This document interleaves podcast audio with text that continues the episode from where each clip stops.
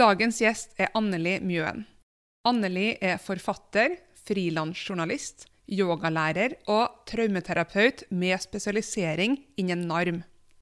NARM står for nevroaffektiv relasjonell modell og er utvikla av dr. Lawrence Heller. Og I dagens episode skal vi nettopp snakke om det her, nemlig traumer og NARM.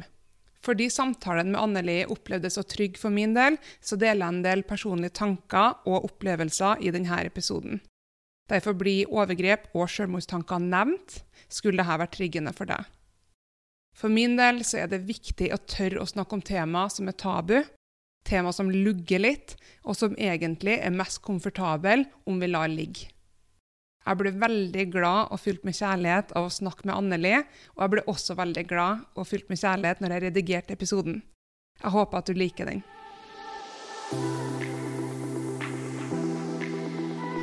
Kjære, kjære Anneli. Hjertelig velkommen til podkasten Hel med Mari. Å, tusen takk. Jeg er så glad for å snakke med deg.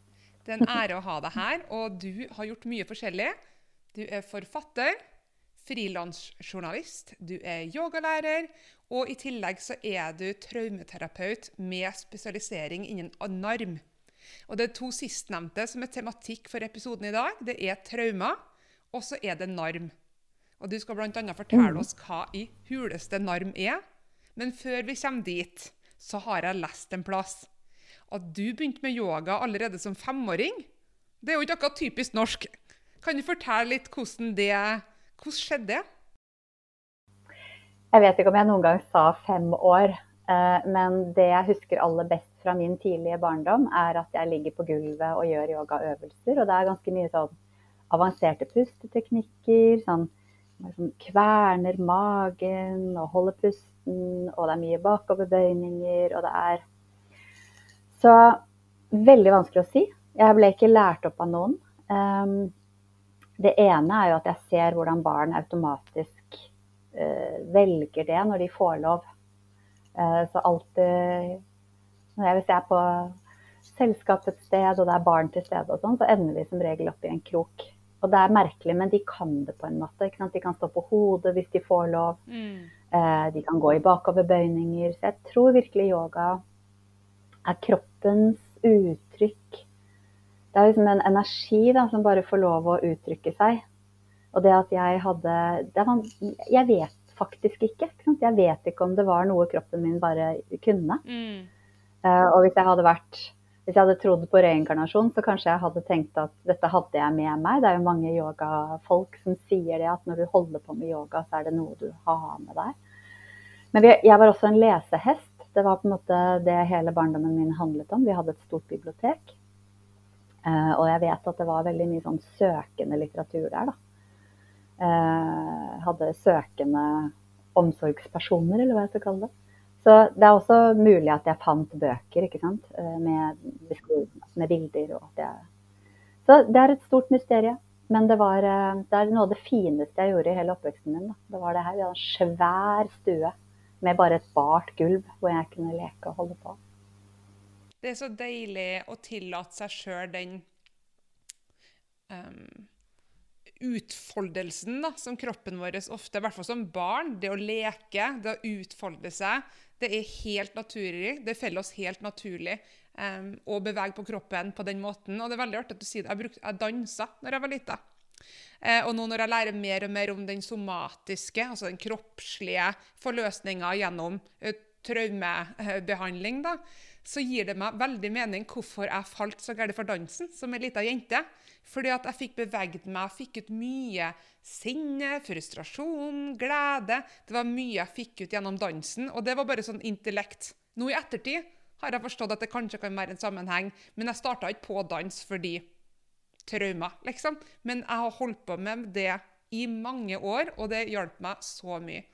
Både mentalt og fysisk. Ja. Det er det. Og det er derfor jeg sier at alt sånn fysisk uttrykk, enten det er risting, som vi bruker i traumebehandling kanskje mest, da, eller det er bare bevegelse, eller vi kaller det yoga. Min, min yogaundervisning er veldig organisk. Den er veldig sånn, det er en dialog med kroppen. ikke sant? Sånn, man kjenner etter hva skulderen din har lyst til å gjøre i denne stillingen her. Vil den gjøre sånn eller sånn eller sånn? Fordi da kommer du inn i det samme, da, dette mm. frie uttrykket. Og vi må, som vi sikkert skal snakke om, på en eller annen måte gjennom kropp, kroppslige, det somatiske som du kalte det, det vi kan sanse. Det må være noe form for kontakt med kroppen. Jeg danset også. Jeg, jeg har en lang ballett øh, Jeg gikk på Operaens balletthøgskole Ja. i hele oppveksten. Og, og jeg tror Det er liksom det jeg husker da, fra barndommen min, at dansen og yogaen hele tiden ja, var en del av den samme helheten, da, som du sier. Ikke sant? Det er et uttrykk. Kroppen er desperat. Jeg var veldig mye syk som barn. Ehm, så for meg Jeg tror virkelig det var kroppens enorme trang da, til å frigjøre noen ting. Mm. Ikke sant? Som bare fikk lov. Jeg hadde ikke voksne som ba meg om å ta meg sammen, eller eh, Men de kjørte meg til balletten, da, etter hvert. Så deilig. Så, så ja. Så jeg begynte kanskje på ballett når jeg var sånn fem, seks, syv. Jeg er litt usikker på når, men det var i, veldig tidlig. Ja. Jeg husker mamma sa det når jeg var tidlig tenåring. Så sa hun Nei, hvis du er i dårlig humør, Mari, så er det bare å kjøre deg til danseskolen og hente deg opp igjen om et par timer, sa hun. Ja, det er akkurat det. Og og det at de støttet oss i det, var jo veldig fint. da. Mm. Så, så, men, men yoga generelt, man sier jo at yoga kommer fra observasjon av dyr opprinnelig. ikke sant? Som f.eks. dette med pust, at man ser at de dyrene som veldig, puster veldig fort, lever kort. Mens de dyrene som puster langsomt, lever mye lenger. Sånn at ut fra dette og gjennom observasjonen av sant, så kan man jo se for seg hvordan kattedyr f.eks.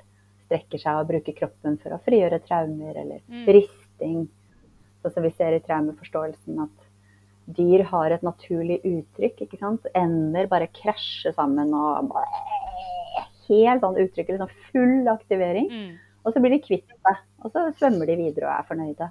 Eller et annet bilde, ikke sant? isbjørner som f.eks. blir bedøvet da, idet de kommer tilbake fra dette kjempetraumet av å bli skutt med en pil. Eh, bedøvet, ikke sant. Så løper de ikke av gårde. De ligger lenge og rister og kvitter seg med spenningen og traumet, og så løper de av gårde. Så mennesket er jo det eneste dyret som ikke har denne naturlige tilgangen på å frigjøre uro, stress, spenning, ubehag. Så det akkumulerer i kroppen, ikke sant? og det er der det begynner å bli vanskelig. Da. Det er der det blir komplekst. Mm. Stress i dyr de har en naturlig respons på å på en måte riste av seg de her traumene eller sjokket, mens vi menneskene er kanskje det eneste dyret som faktisk ikke naturlig rister det ut. da. Hvor, hvor har vi mista denne evnen i vår evolusjon, tror du? Den tror jeg vi har mistet i møte med omgivelsene våre. Jeg tror at eh, frie barn, eller hvordan man skal kalle det, de eh, bare uttrykker seg på et vis, ikke sant. Og så skjer det på det stedet hvor barnet har et eller annet uttrykk, et eller annet det prøver å formidle, et behov som de vil ha møtt. Det skjer jo om ikke akkurat i mors liv, så i det øyeblikket de kommer ut, så er det ikke sant? De har behov. Mm. Alle spedbarn har masse behov. Og så begynner den her eh, dialogen da med omgivelsene. Eh, som er alt fra ikke sant, hvordan, hvordan opplever barnet, spedbarnet, sitt behov møtt. Eh, eh, kan jo ta en sånn enkel ting som at mange barn har blitt eh, utsatt for eh, eh, si, gråtekuren, eller hva de kaller det. Den er jo levende den dag i dag. Det at uh, foreldre blir bedt om å la spedbarnet sitt ligge og skrike fordi det kan bli bortskjemt hvis man tar det opp. Så dette er jo jeg helt imot. Um, for det, det er forskjell på et barn som selvregulerer, ikke sant. Som og så liksom ser du at det trøster seg selv, og så blir det rolig. eh, Og til sånn full stressaktivering med liksom «Ah, Jeg er livredd, jeg har ikke noe annet språk enn å gråte. eh, Hjelp meg, hjelp meg. Ikke sant. Og så skal man da så tror man at dette bitte lille spedbarnet klarer å selvregulere fra det stedet. Det skjer ikke. Mm. Så dette veldig sterke uttrykket som kommer da, og denne på en måte rystingen med hele kroppen, ikke sant, barnet ligger liksom helt sånn, er jo noe som kunne vært eh, et naturlig uttrykk hvis det hadde blitt møtt og hadde blitt regulert. Og så begynner det kanskje til og med der, ikke sant? At, at det er en krasj mellom barnets behov og hvordan det blir møtt da, fra omgivelsene. Men når du sier omgivelsene, da er det utover omsorgspersoner? Det er ikke bare omsorgspersoner du snakker om da? Er det både utdanningsinstitusjoner som barnehage, skole, eller hva, hva er det du mener med, med det? Det er akkurat det, og, de, og, det er klart det er veldig mye vanskeligere å jobbe med de tingene som har skjedd førspråklig eller førhukommelse. Men jeg tror det kan skje en hel del eh, krasj mellom barnets behov og hvordan det, opp, hvordan det, oppfatter seg selv møtt. Og hvis dette gjentar seg Det er jo veldig ofte mønstre i, i oppvekst, eh, der hvor man, sant, i oppvekstvilkårene, i institusjoner, som du sier. ikke sant? Masse ting som skjer. Og så gjentar det seg, og da vil barnet begynne å tilpasse seg, som det heter da. Enten så vil det prøve å skrike høyere, eh, utagere, som man kaller det. Hvis det ikke får behovet sitt møtt, så vil det bare øke spenningen, øke stresset, øke uttrykket. Eller resignere på et tidspunkt. Eh, hvis ikke økingen hjelper, og vi har jo et helt samfunn som ikke har en dynamisk, utforskende, nysgjerrig måte å møte utagering eller sinne på, da. Det er mer sånn Ja, du vet hvordan det blir møtt. Det blir enten møtt med sinne, eh, eller det blir møtt med utskamming, eller det blir møtt med Ikke sant? Um, og da må barnet begynne å tilpasse seg, som det heter. Det, ikke sant? Neste, du kan enten agere ut eller agere inn. Det er meg det er noe galt med. Det er behovet mitt det er noe galt med. Det er jeg som er feil. Behovet mitt er feil. Og så agerer man innover isteden. Og der blir denne indre utskammingen født, ikke sant. Mm. Vi kan kalle det Det er litt mer å si om den indre kritikeren, men det er på en måte den 'jeg er feil', 'jeg er dum', 'jeg er mm, Begynner den. Du har liksom acting in eller acting out, og ingen av delene er sunt sinne, livskraft, dynamikk, frigjøring, fri, frigjøring, av energi, spenning, som du sa. Det er ikke på en måte den sunne, gode ristingen som gjenoppretter kroppens livskraft. Da. Det blir til ubalanse. Mm. Hva vil du si er sinnets Veldig mange er redd for sinne. Veldig mange syns sinne er en skummel mm. følelse. Hva er egentlig sinnets verdi? Hvorfor blir vi sinte, og er det, kan det bli sett på som sunt? For veldig mange er jo livredd det er akkurat den følelsen. Både i seg sjøl og andre. Ja. Vi sier i terapirommet, eller i terapien i NARM, da, at det er to hovedfølelser som barnet er mest redd for. Og det ene er sorg, hvis ikke sorg har blitt møtt på en god måte. Eller sinne, når ikke sinne blir møtt på en god måte. Og mange omsorgspersoner syns det er mye lettere med tristhet, men selv det blir møtt på veldig mange rare måter. Eh, og sinne blir da nesten konsekvent avvist, da. På et eller annet vis. Og um, sinnets beste Altså, sinne er Sunt sinne er egentlig bare handling. Altså, det er å få noe til å skje. Det er bare det. det er, jeg, jeg, prøver å få noe til å skje, jeg prøver å kommunisere noen ting. Men det er selvfølgelig også evnen til å si fra. ikke sant? Sette grenser. Her, dette er ikke greit. Stå opp for seg selv. Det er egentlig, Når jeg snakker om det nå, så kjenner jeg gåsehud i ryggen, liksom. For det er livskraft. Mm. Det er Jeg fins. Jeg betyr noen ting. Jeg står opp for meg selv. Jeg vil at dette skal skje. Det trenger ikke å være noe aggresjon i det i det hele tatt. Det kan bare være kraft, liksom. Du kan være vennlig og kjempesterk og wow! Ikke sant? Poder. Det er liksom uff. Hei, hit, men ikke lenger. Flytt på den. Eller dette er det jeg vil. Dette er det. Det er bare wow. Så, så deilig. Jeg kjenner jeg blir skikkelig glad av å høre det. Det er det vi prøver å nyansere. Ja. Og det at du differensierer mm, sinne kontra aggresjon. Jeg er en av dem som jeg syns sinne er skummelt. Jeg har flere bekjente som er redd for sinne. Um, og føler også skam I, hvis man føler seg sint, så er man ikke den flinke piken. Den som skal være rolig, og du skal være en people pleaser. Må for all del ikke si ifra, selv om dine grenser er tråkka over. Um, men man kjenner jo sinne på innsida, og det å få høre fra deg at sinne er livskraft, det er styrke, og sinne trenger ikke å være aggresjon, det var skikkelig deilig forklart.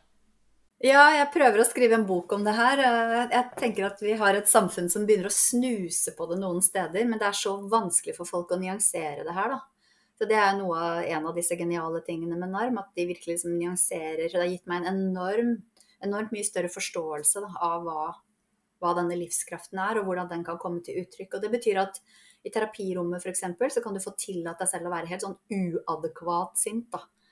Altså, du kan få lov å leve ut liksom fantasier og Fordi at hvis noe har blitt gjort mot en, da, og man ikke har hatt denne sunne responsen. ikke sant? La oss si at noen virkelig har tråkket over grensene dine.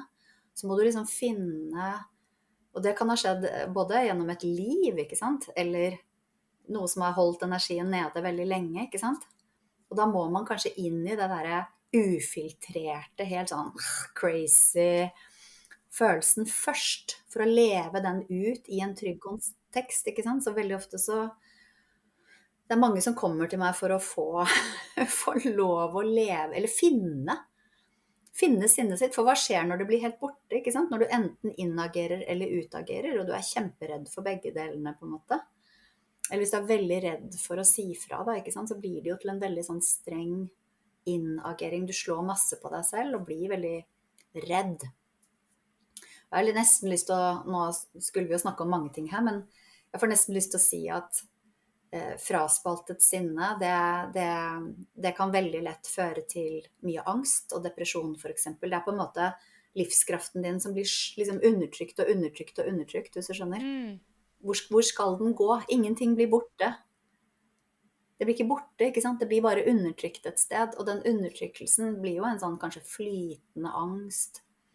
Eller en, en, en helt sånn oppgitt dynamikk, ikke sant, som er depresjon. Det er helt Du liksom Og så er det selvfølgelig litt vanskelig, da, fordi at på veien tilbake igjen da, til denne, dette sunne sinnet, så kan det komme opp en del sånn uadekvat, nesten sånn trang til å utagere, eller Da må man liksom finne Det, det kan man gjøre i terapirommet.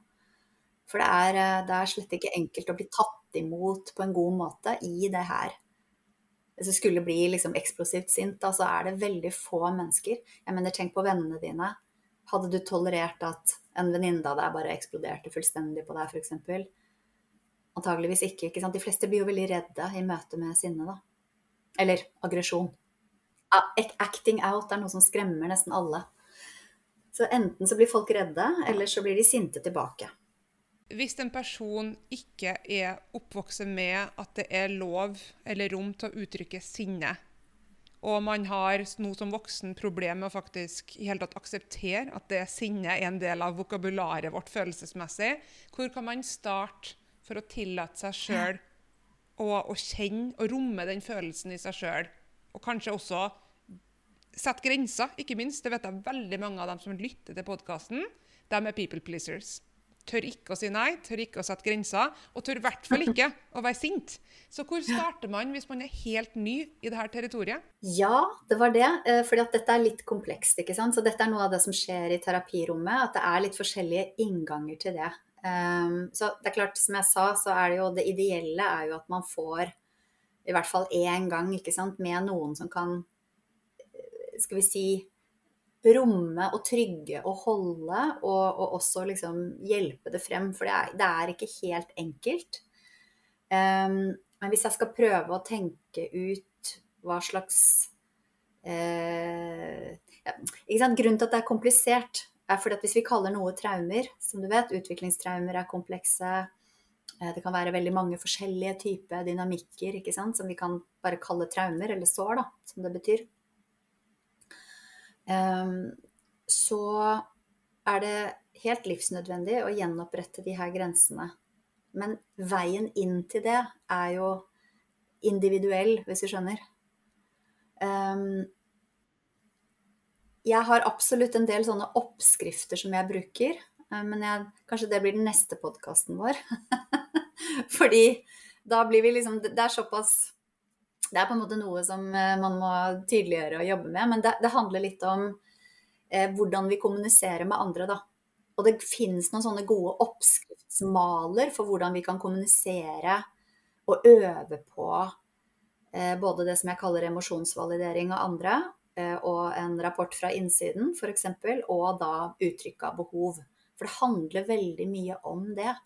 Og når man har en liten sånn mal å forholde seg til i hvordan man kommuniserer med alle, så er det litt lettere, det er tryggere, ikke sant. Og det er klart at målet må jo være å kunne uttrykke behov og følelser i en trygg kontekst. Mm. Og i en tydelig kontekst. Så jeg tror det er, tror det er uh, mye å be om at omgivelsene skal tåle utagering. Men det å begynne å uttrykke behov på en veldig sånn ryddig og klar måte, er egentlig det vi skal. ikke sant? Det er noe med å få sagt fra i en trygg kontekst. da. Og det kan vi øve på. Mm. Ikke sant? Det handler veldig mye om hvordan vi sier fra til andre. Eh, og det er respektfullt, og det er eh, godt. Eh, når det gjelder liksom den der eksplosive dynamikken, da, så har jeg masse, masse tips. Det er sånn ligge i senga under dyna og bare Altså, altså sånn risting på en måte. Mm. sånn, altså med lyd, med liksom Ja. Fullt sånn derre Det gjør jeg masse i yogatimene mine også, ikke sant? for folk har så mye oppsamlet spenning som må ut, og da bruker vi TRE. Altså trauma release exercises er ikke ja, jeg har tatt den utdannelsen, eh, ikke sant? Den, det opplegget, Mm. men det er egentlig bare risting. Ja. Og inngangen til risting er ekstremt individuell. Så utrolig spennende. Jeg blir så glad. Har du prøvd Nei, det? ja, eller ja, jeg har gjort det. Um, jeg, har, jeg har gått i terapi siden jeg var liten, eh, lita, av ulike Oi. Ja. Jeg tror jeg var kanskje eh, 12 eller 13 første gang jeg begynte med alternativ behandling. For, for, for familien min så var det her med mental helse en, en, ny, en ny ting. De, de visste ikke helt hvordan man skulle navigere i det. Så mine foreldre prøvde sitt beste med å på en måte ja, prøve å hjelpe meg. da. Eh, og jeg husker at jeg begynte på tapping, altså den der tappinga, når jeg var 12-13 år. Ja, Jeg, bruker, jeg bruker det i terapi. Ja. Og så var det ei eh, dame som drev med massasje, hvor trauma satte seg i muskler. Altså, I, I've been done it all, for å si det sånn, Anneli.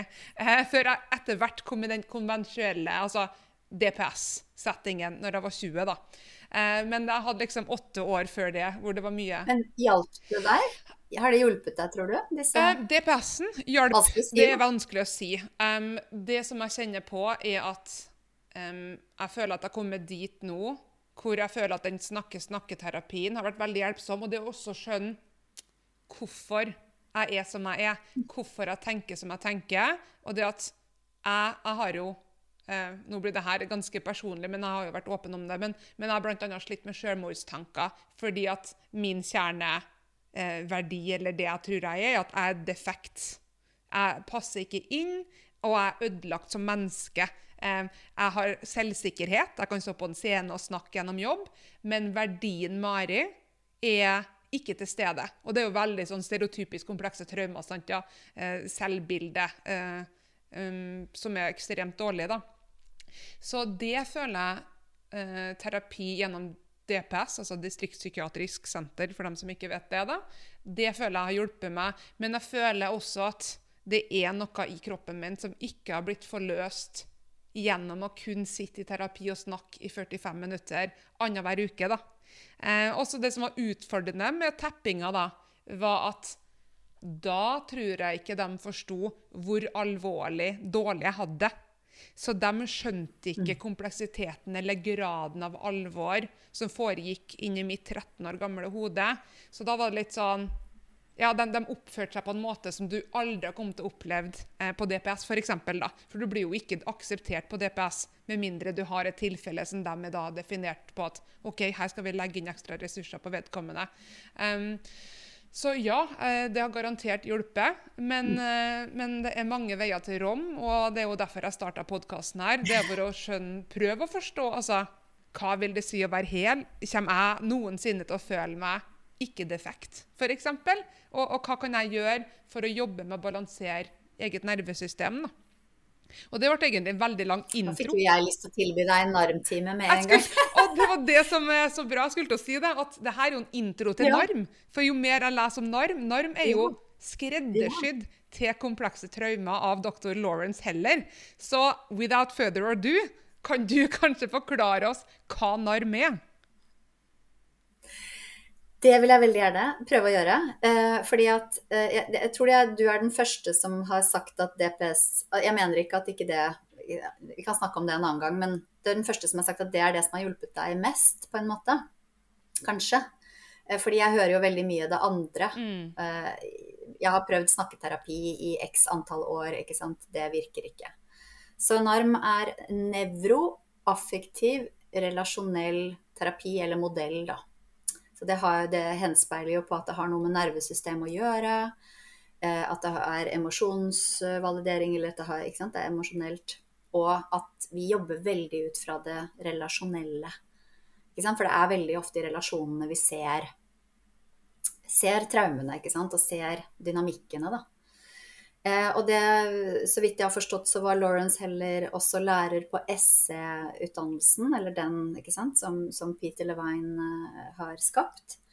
Som betyr jo somatisk eh, utlading, om du vil, av Altså at kroppen får lov å lede vei, da. Altså at eh, ja, det er en mer organisert måte å, å, la kroppen få lov å uttrykke og frigjøre traumer da, som sitter i ja, ikke sant? Mm. Um, men når han utviklet NARM, så var det med en sånn briljant, vil jeg si, kognitiv modell.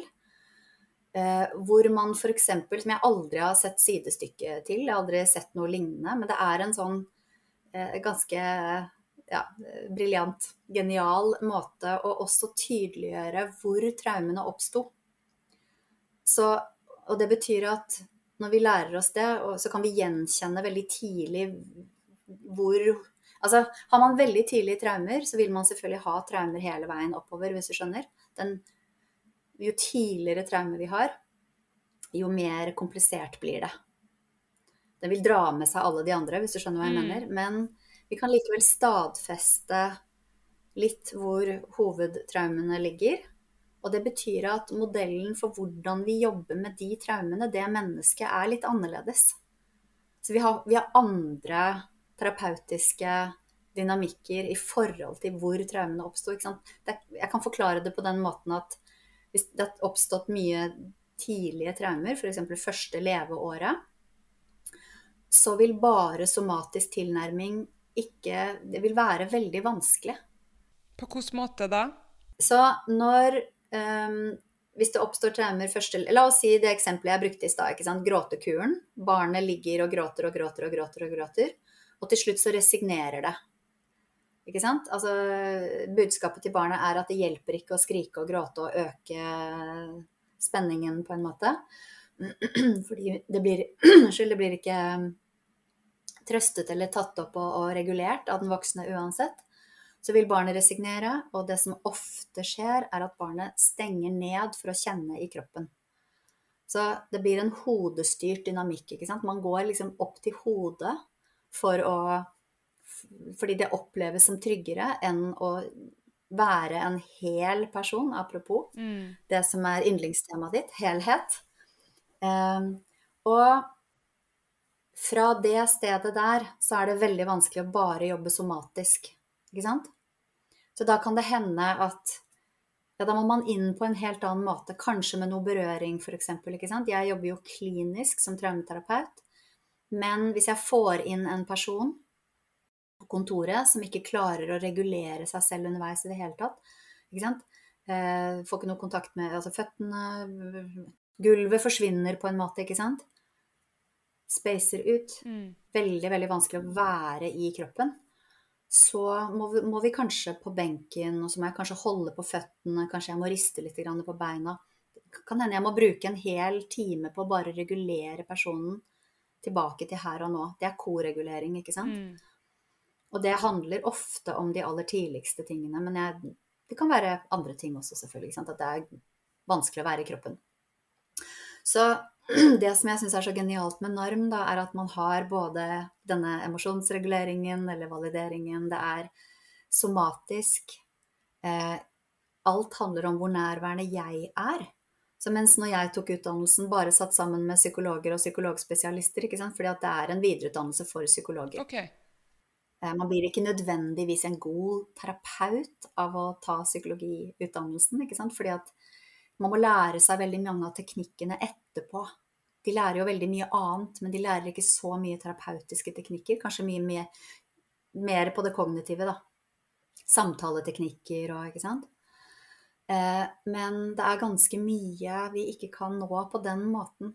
Fordi når vi snakker om en vanskelig opplevelse, så gjenopplever vi den også. Så faren for retraumatisering er veldig stor. Jeg har jo selv gått i terapi i over 30 år og hatt utallige årevis på årevis med opplevelser av å komme inn i terapi, snakke om masse vanskelige ting, ikke sant? trekke ned glidelåsen. Mm. Og så går jeg ut og føler meg som en sånn kjøttkake. Mm. Ikke sant? Jeg ute i verden, og så er bare liksom Alt er bare vi åpent. Full aktivering, full følelse. Jeg har ikke engang blitt lukket inn i liksom her og nå. Det er jo også en grøt, må jeg si, i terapien. Mm. Eh, og det, det, er jo ikke holdbart når man jobber med komplekse traumer, når man jobber med utrygghet, når man jobber med vanskelige ting. Da, så, må, så, må, det organiseres på en helt annen måte. Og det er det som kanskje føles litt uh, urettferdig ut for oss med den diagnosen. For det første så har jo ikke den diagnosen blitt anerkjent som en egen diagnose. Det har på en måte vært en subdiagnose under PTSD, altså sjokktraumer. Og sjokktraumer og mm. komplekse traumer eller relasjonelle traumer er jo veldig forskjellige på noen måter.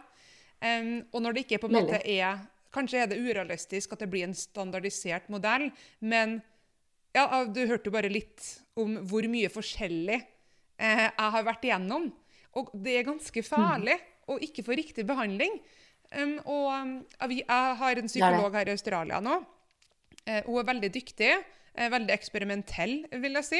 Her i Australia har de jo psykadelika, ble jo lovlig bl.a. nå fra 1.7. Eh, psilocybin, altså wow, flein. I terapi? Ja, i terapi. Eh, det koster flesk, så du må være mangemillionær for å få komme inn, men det er i hvert fall en start. Så MDMA er lovlig nå i terapi, og psilocybin, fleinsopp, er lovlig i terapisetting. Um, wow. Ja, det er kjempekult. Men det er fortsatt så dyrt at det meste foregår underground.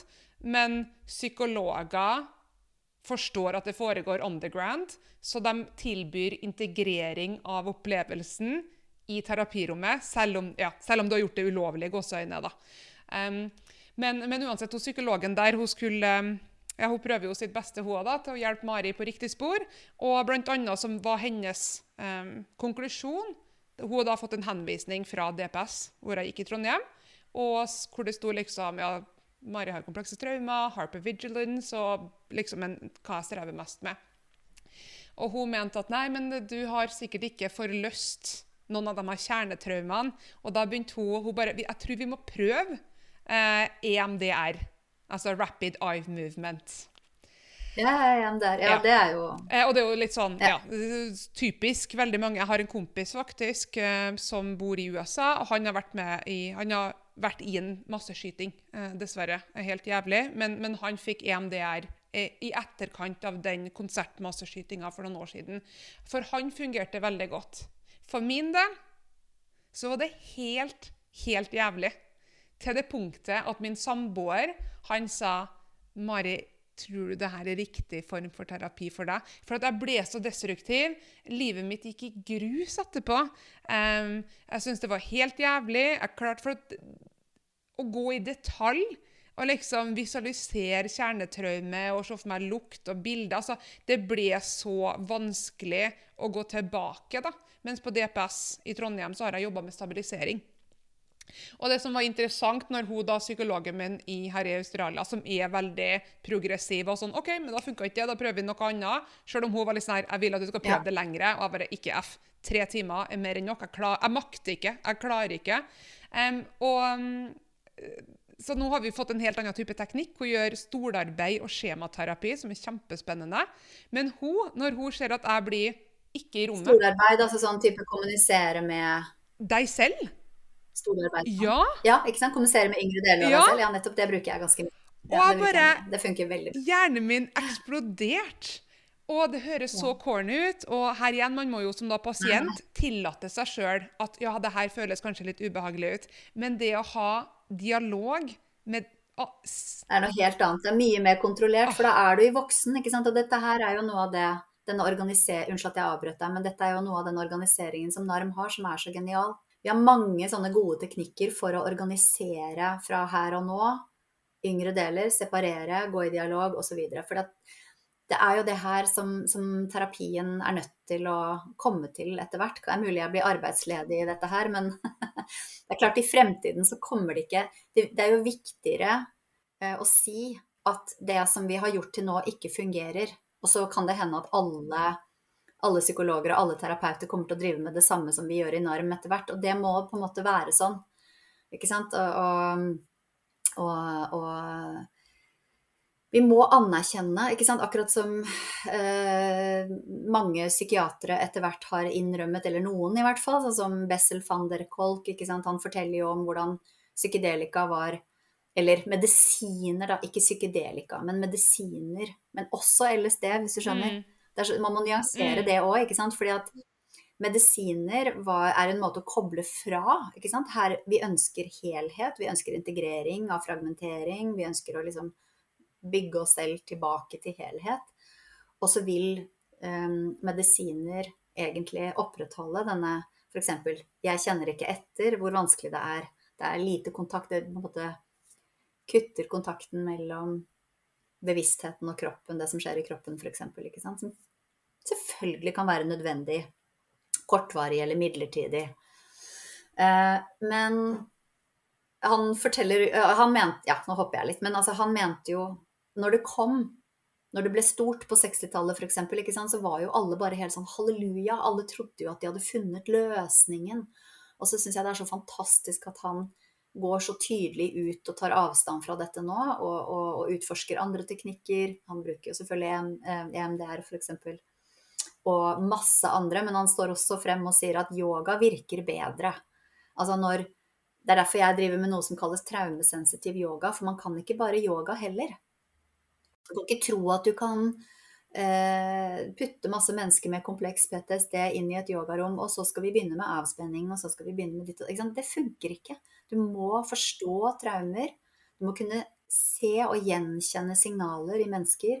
Du må vite når du skal gjøre det. Jeg har jo en utdannelse i noe som heter holistisk yogaterapi, hvor jeg lærer yogalærere om traumer, og så lærer jeg terapeuter om teknikker som kan brukes, og når skal man dosere hva, og hva er, hva er signalene? Hvordan kan vi møte de forskjellige behovene i en gruppe, f.eks.? Det er ganske komplisert. Mm. Absolutt mulig å lære seg, men, men det må stor ydmykhet til. Det må ha, være en stor forståelse for hva traumer er, og hvor komplekst det er. Og en forståelse at det er ikke bare å gå inn i kroppen, man kan selvfølgelig åpne opp for altså, Åpne opp for fort, man kan eh, ikke lukke, man kan retraumatisere osv. osv. Mm. Og jeg ser det egentlig bare som pluss. Vi kan, vi kan si at uh, helt til å begynne med så kanskje det virker litt sånn Hjelp, uh, er det så vanskelig? Dette blir for skummelt for meg. Men jeg tenker at vi i samfunnet Vi starter jo ikke på null. Men uansett hvor vi starter fra, så kan vi løfte kompetansen generelt. Vi kan lære mer og være, og bli, og være ydmyke hele tiden. Jeg er konstant i læring. Jeg er alltid villig til å forkaste noe som ikke fungerer. Jeg er alltid villig til å lære noe nytt. Jeg tar utdannelser og kurs hele tiden. Eh, det er bare mulig å liksom øke det fra der hvor vi er. Vi trenger mer bevissthet, mer forståelse, mer kunnskap om hvordan dette er. Mm. Jeg har hørt akkurat uh, I lys av podkasten her, så har jeg en fantastisk um, samtale mellom grunnleggeren av NARM i dialog med doktor Gabor Maté, faktisk. Og de snakka nettopp mm. Ja, Har du hørt den? Det vil jeg tro du har garantert hørt alt. Nei, men jeg elsker Gabor Maté. Hver gang han åpner munnen, så blir jeg bare sånn åh, takk, takk, takk. Og Lauren Seller er jo temmelig genial, rett og slett. sånn at det høres bare ut som drøm. Det var helt fantastisk. Jeg lå i badekaret i morges og hørte på de to fantastiske individene her ha en dialog. Ah. Og det var faktisk Norminstitutt på YouTube som har laga ja. Det, var, ja, det var en podkastepisode som også ligger på YouTube, så hvis folk vil høre på den, så anbefales den. Send meg gjerne en link. Jeg vil veldig gjerne høre den samtalen. Jeg legger den også i teksten på podkasten for dere som lytter på. Men det de sa, er akkurat det Anneli er inne på. De sa vi trenger som et samfunn å øke kompetansen på traumer. Og det kan jo tenkes at noen familiemedlemmer eller kanskje noen bekjente av meg litt sånn her Å, herregud, Mari og de traumene. Men det er så viktig med den forståelsen, fordi jeg har lyst til å fortelle en historie som jeg opplevde på Nøsen, faktisk, yoga. Jeg elsker jo Nøsen yoga fjellhotell. Men jeg var der på en yogafestival, og det er bare som et eksempel på hvor farlig det kan være da, hvis instruktører eller lærere ikke har traumeerfaring eller traumeutdanning. Um, fordi at igjen, jeg ser veldig velfungerende ut. Er veldig velfungerende på veldig mange måter. Og så skulle jeg, mel jeg meldte meg på inquiry work. Det syns jeg hørtes kjempespennende ut. Og det var en liten introduksjon, kjempespennende. Og så ble vi satt i to og to. Og jeg ble satt med en mann. Og nå kjenner jeg at jeg får lyst til å gråte bare av tanken på det. fordi at For meg da, det er igjen ikke noe hemmelighet at en av mine ting har vært seksuelle overgrep. Um, så det å plutselig må sitte ansikt til ansikt med en mann Og det vedkommende har jeg også gjort akroyoga med og bada med som en hel gjeng. Men plutselig skulle jeg og han se hverandre inn i øynene og, og ha en veldig sånn intim relasjon. da. Ikke noe berøring, vi skulle sitte liksom um, kne mot kne, nesten veldig, veldig tett. Og så skulle vi dele noe dypt og sårbart. Og først så kjente jeg at jeg var veldig ukomfortabel. Altså nummer én, turte ikke å si ifra. Det her er jeg ukomfortabel med. Typisk, sant ja. Det, nei, da er jeg til bry. Kanskje jeg sårer han. Så jeg satt der og slet meg gjennom den timen. Og den kvelden der hele kroppen min rista, og jeg var i så Da var jeg retraumatisert. Altså, jeg klarte ikke å roe meg ned. Og det her igjen etter årevis med terapi. Tenkehjernen er på. Jeg skjønner jeg er ikke i fare. Her er jeg til og med vennene mine. Det her går i utgangspunktet fint. Eh, men, men, men, fysiologisk så forsto ikke kroppen min det der. Og jeg gråt og gråt og gråt. Jeg fikk ikke slutt å gråte.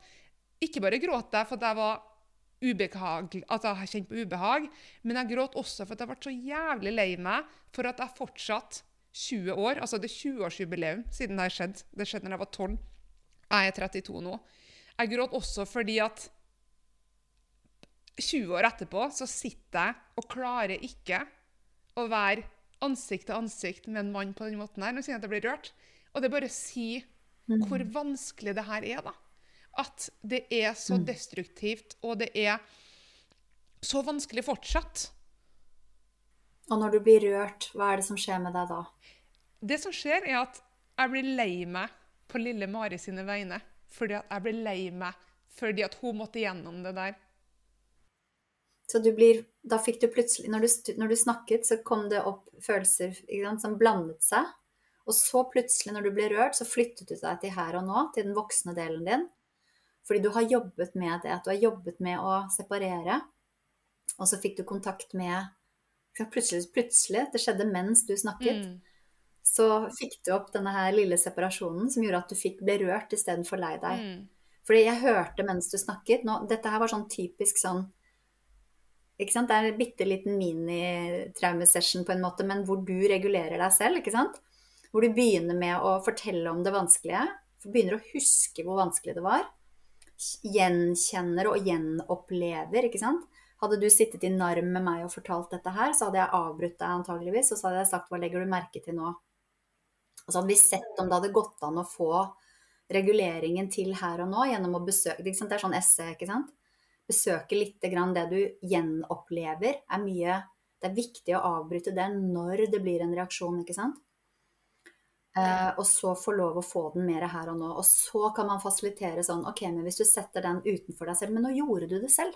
Ikke sant? Du, mens du snakket, så regulerte du deg selv til her og nå. Etter hvert som du snakket deg gjennom det. Og så fikk du plutselig medfølelse. Og det er veldig mye lettere å, å gjøre det her sammen med noen. Mm. Det kan hende at du hadde klart det helt selv. Bare det virket jo sånn. Men fordi du har jobbet med det, så ble du plutselig rørt på vegne av henne. Det betyr at da har du spaltet deg fra ikke sant? Og så har du flyttet deg til her og nå, og så kan du fasilitere medfølelse. Eller da kan du kjenne på medfølelse med den tolvåringen. Perfekt eksempel på hvordan det er når man begynner å organisere seg selv mye bedre. Da. Så fra å kjenne på eh, Du var jo innom barnet, ikke sant? Fordi at du, du sa sånn da ble jeg helt overvelda, så ble jeg lei meg, og så fikk jeg håpløshetsfølelse. Herregud, 20 år etter, ba, ba, ba, ba, ba. Ikke sant? Det kommer fra Jeg pleier å si at overveldelse, maktesløshet, eller håpløshetsfølelse, maktesløshet Alle de følelsene der, da er alltid den yngre delen også innom. Mm. Ikke sant? Gir det mening? Ja, veldig. Og så gjorde du det helt selv. Uh, for et arbeid du har gjort, Mari! Hurra! Jeg blir faktisk veldig stolt og glad um, når du kommenterer sånne ting, og det at det faktisk også skjedde uten at jeg var bevisst det. Altså nå Når du poengterer det, så ser jeg det sjøl, men da blir man på en måte OK. Mm. Fordi det er det som kan gi meg de sjølmordstankene, for å være helt ærlig, da, er at jeg føler at jeg ikke mestrer livet. Og da snakker ikke om at jeg skal være en eh, sosiale medier-influenser eller kjendis. Det er ikke det jeg legger å mestre i livet. Men jeg sliter med søvn, f.eks. Og det å ikke få til å regulere. For i mitt hode så Det, det, det er en stadighet en kamp, da. Eh, ikke at jeg hører stemmer, men det, men det er en kamp om å jobbe med å regulere seg sjøl. Og, og det tar så mye energi at jeg av og til tenker shit, enn om jeg ikke får til å være et menneske. Og da kan de der veldig destruktive tankene om ja, men da bør jeg kanskje ikke leve, for da kan ikke jeg være av nytte. Så da er det kanskje best at jeg ikke finnes. Så det er på en måte det å da få høre eh, at, at jeg har lært å regulere, og ja, det er veldig fint og motiverende. Hvor lenge har du eh, jobbet på denne måten, som det som du kalte stolarbeid, eller altså hvor lenge har du holdt på med det i forhold til alt det andre du har gjort? Du har jo holdt på i terapi siden du var Jeg må jo gi litt sånn kudos til foreldrene dine uansett, da, som, som virkelig prøvde å være der og støtte deg og hjelpe deg og gjøre noe riktig. Ja. Altså, hallo, det er ikke så vanlig. Nei, nei, det, det er kjempekult. de, jeg skjønner ikke hvordan de fant informasjonen. til hvert fall. De sendte meg til den alternative ruta, med massasje og traumer ligger i jeg var noe fortid ligger på den sida av kroppen og framtid den sida, og jeg ble massert og fikk dråper under tunga. Det var liksom ikke måte på. Og så var det en fantastisk eh, kommunelege som skjønte alvoret når jeg var 20 år, som var sånn Skal ikke vi kanskje ta en liten tur på DPS? Har du lyst til det? Og da var jeg helt apatisk. Første gang, da, har jeg vært, da var jeg deprimert. Jeg er jo hyperaktiv. Hyperovervåkenhet. sant ja? Jeg må jo gjøre, gjøre, gjøre, og er veldig oppi her. Um, så da var jeg helt motsatt. Eh, og han bare skal ikke vi ta, for da spiste ikke jeg. Jeg fikk ikke til de der vanlige tingene med å eksistere.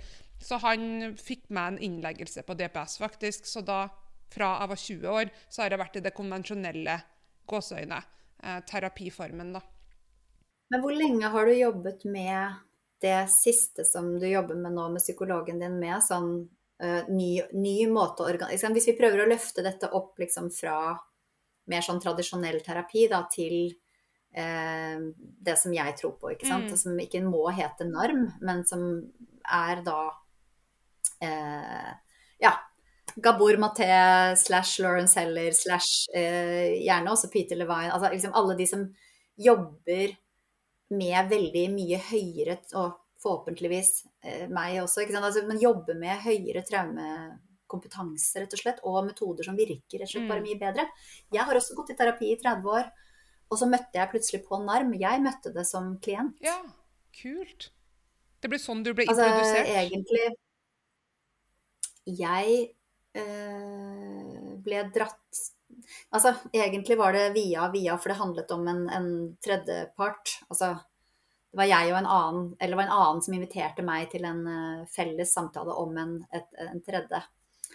Um, men den terapien blåste jo meg helt av banen. Det var bare sånn Hva skjedde nå? Liksom. Mm. Jeg gikk ut og bare jeg, dette vil jeg prøve selv. Jeg vil ha dette for meg.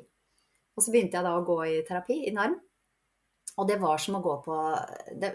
Jeg har vært 30 år eh, i altså begynte, Jeg gikk fem år eh, til psykolog, f.eks. Ikke sant. Eh, har, har så rett og slett vært så heldig og Eller kresen at jeg har funnet noen helt fantastiske terapeuter. Mm. Men jeg så også veldig jeg, jeg, ser veldig, veldig tydelig hva som ble feil med det. Ikke sant? At med NARM så tok det tre ganger omtrent å få til noe av det samme. Jeg brukte fem år hos psykolog. Mm. Men luk, altså, lukkingen var bedre. Alt, alt fungerte bare veldig mye bedre. Da. Det var en helt annen måte å organisere bevisstheten på, og det kroppslige og nærværet og alt. Helhet, rett og slett. Eh, og så meldte jeg meg på et introduksjonskurs, og så tenkte jeg bare herre min, jeg må bare gjøre det Mm. her. Uansett, det er dyrt og det er eh, åh, ikke sant. Men jeg må, jeg må bare. Men hvor lenge har du jobbet sånn som du gjør nå? Jeg ble, jeg ble introdusert til altså begrepet indre barn. har jeg lest. For det første så har jeg lest selvhjelpsbøker siden jeg var 17 år. Jeg begynte på videregående. Så, så indre barn er jo en terminologi som jeg har lest om. Men i terapirommet Jeg tror vi var så vidt Vi toucha så vidt inne på det, så vidt, tror jeg, på DPS. Eh, men det er hun psykologen min her i Australia som er Hun elsker faget sitt. Hun videreutdanner seg kontinuerlig. Hele tida. Man må Ja. nesten det. Man må nesten det. Eh, og apropos det der med å bringe pasienten eller klienten, eller hva dere kaller oss, skulle jeg til å si, eh, tilbake til rommet. Hun kaster en liten ball på meg når hun ser at jeg ikke er til stede. Hun bare 'Hei, Marie, ta imot den her.' Og da må jeg ta ballen. Oi, den skal jeg stjele. Den skal jeg Ja, det, er, også det er vel å merke, det er ikke en tennisball. Jeg er jo Kanskje livredd. ikke ball, men jeg, jeg har mine metoder ikke sant, for å bringe nuet tilbake, da, eller bringe klient. Jeg bruker klient da, fordi jeg jobber jo ikke med pasienter, ikke sant. Jeg vil I NARM er vi veldig opptatt av at det skal være likeverd, og at vi skal være delaktige og aktive i vår egen helingsprosess, da. Ja. Så. Så fint. Men det er en liten sånn um, Hva heter det? En sånn liten tøyball, på en måte. Hun, men den tvinger meg til å på en måte måte ja, catche. sånn ja. um, så, så hun er hun, er, hun elsker um, skjemaarbeid og stolarbeid, så hun har jeg gått til nå i kanskje et år. Vi har jo veldig dårlig um, psykologmuligheter her i Australia. Det er kjempedyrt. Du får ti timer subsidiert av, av helsestaten, kan du si, i Australia. Og etter Det er vel litt sånn her også. Ja, det er mitt inntrykk Ja, jeg har fått uh, følge uendelig hjelp med DPS. og Jeg var jo veldig glad uh, for at jeg fikk hjelp både på DPS og her i Australia. Og jeg sa til Stiv jeg bare Herlighet, hvor heldig jeg er som får så mye hjelp. Og Stiv bare mm, Det er en grunn til at du får hjelp, så jeg vet ikke om det er heldig, men glad du føler det sånn. Hvis vi skal dra det litt uh, tilbake igjen, så hører jeg at du har um, jobbet bare et år, ikke sant? Og jeg er ikke så glad i sånn det indre barnet Bare for å nyansere det litt også, så kaller jeg det yngre deler, da. Fordi at folk har en tendens til å tro at barnet er én ting, liksom, inni en. Men vi har jo traumer på liksom hel, altså, vi kan ha traumer eller opplevelser eller identiteter, om du vil. Det er jo alt, ikke sant. Så det er veldig spennende å nyansere hva, sant? hvordan har tenåringen det. Ikke sant? Hvis det er veldig mye sånn protest og motstand og irritasjon og opprør og sånn, ikke sant? så er det som regel en tenåring som er inne og jobber. Er det veldig sånn uorganisert, lite kontakt med kropp, så er det kanskje liksom helt i spedbarn.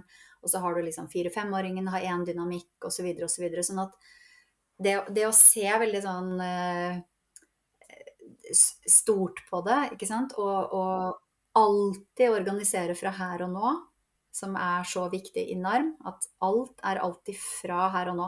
Så hvis man skuer tilbake på en måte, så er det alltid fra her og nå, som er en helt annen Det er jo noen mennesker som aldri har erfart her og nå. Det er ikke helt uvanlig, faktisk. De vet rett og slett ikke hva det betyr å være såkalt voksen her og nå. Ja.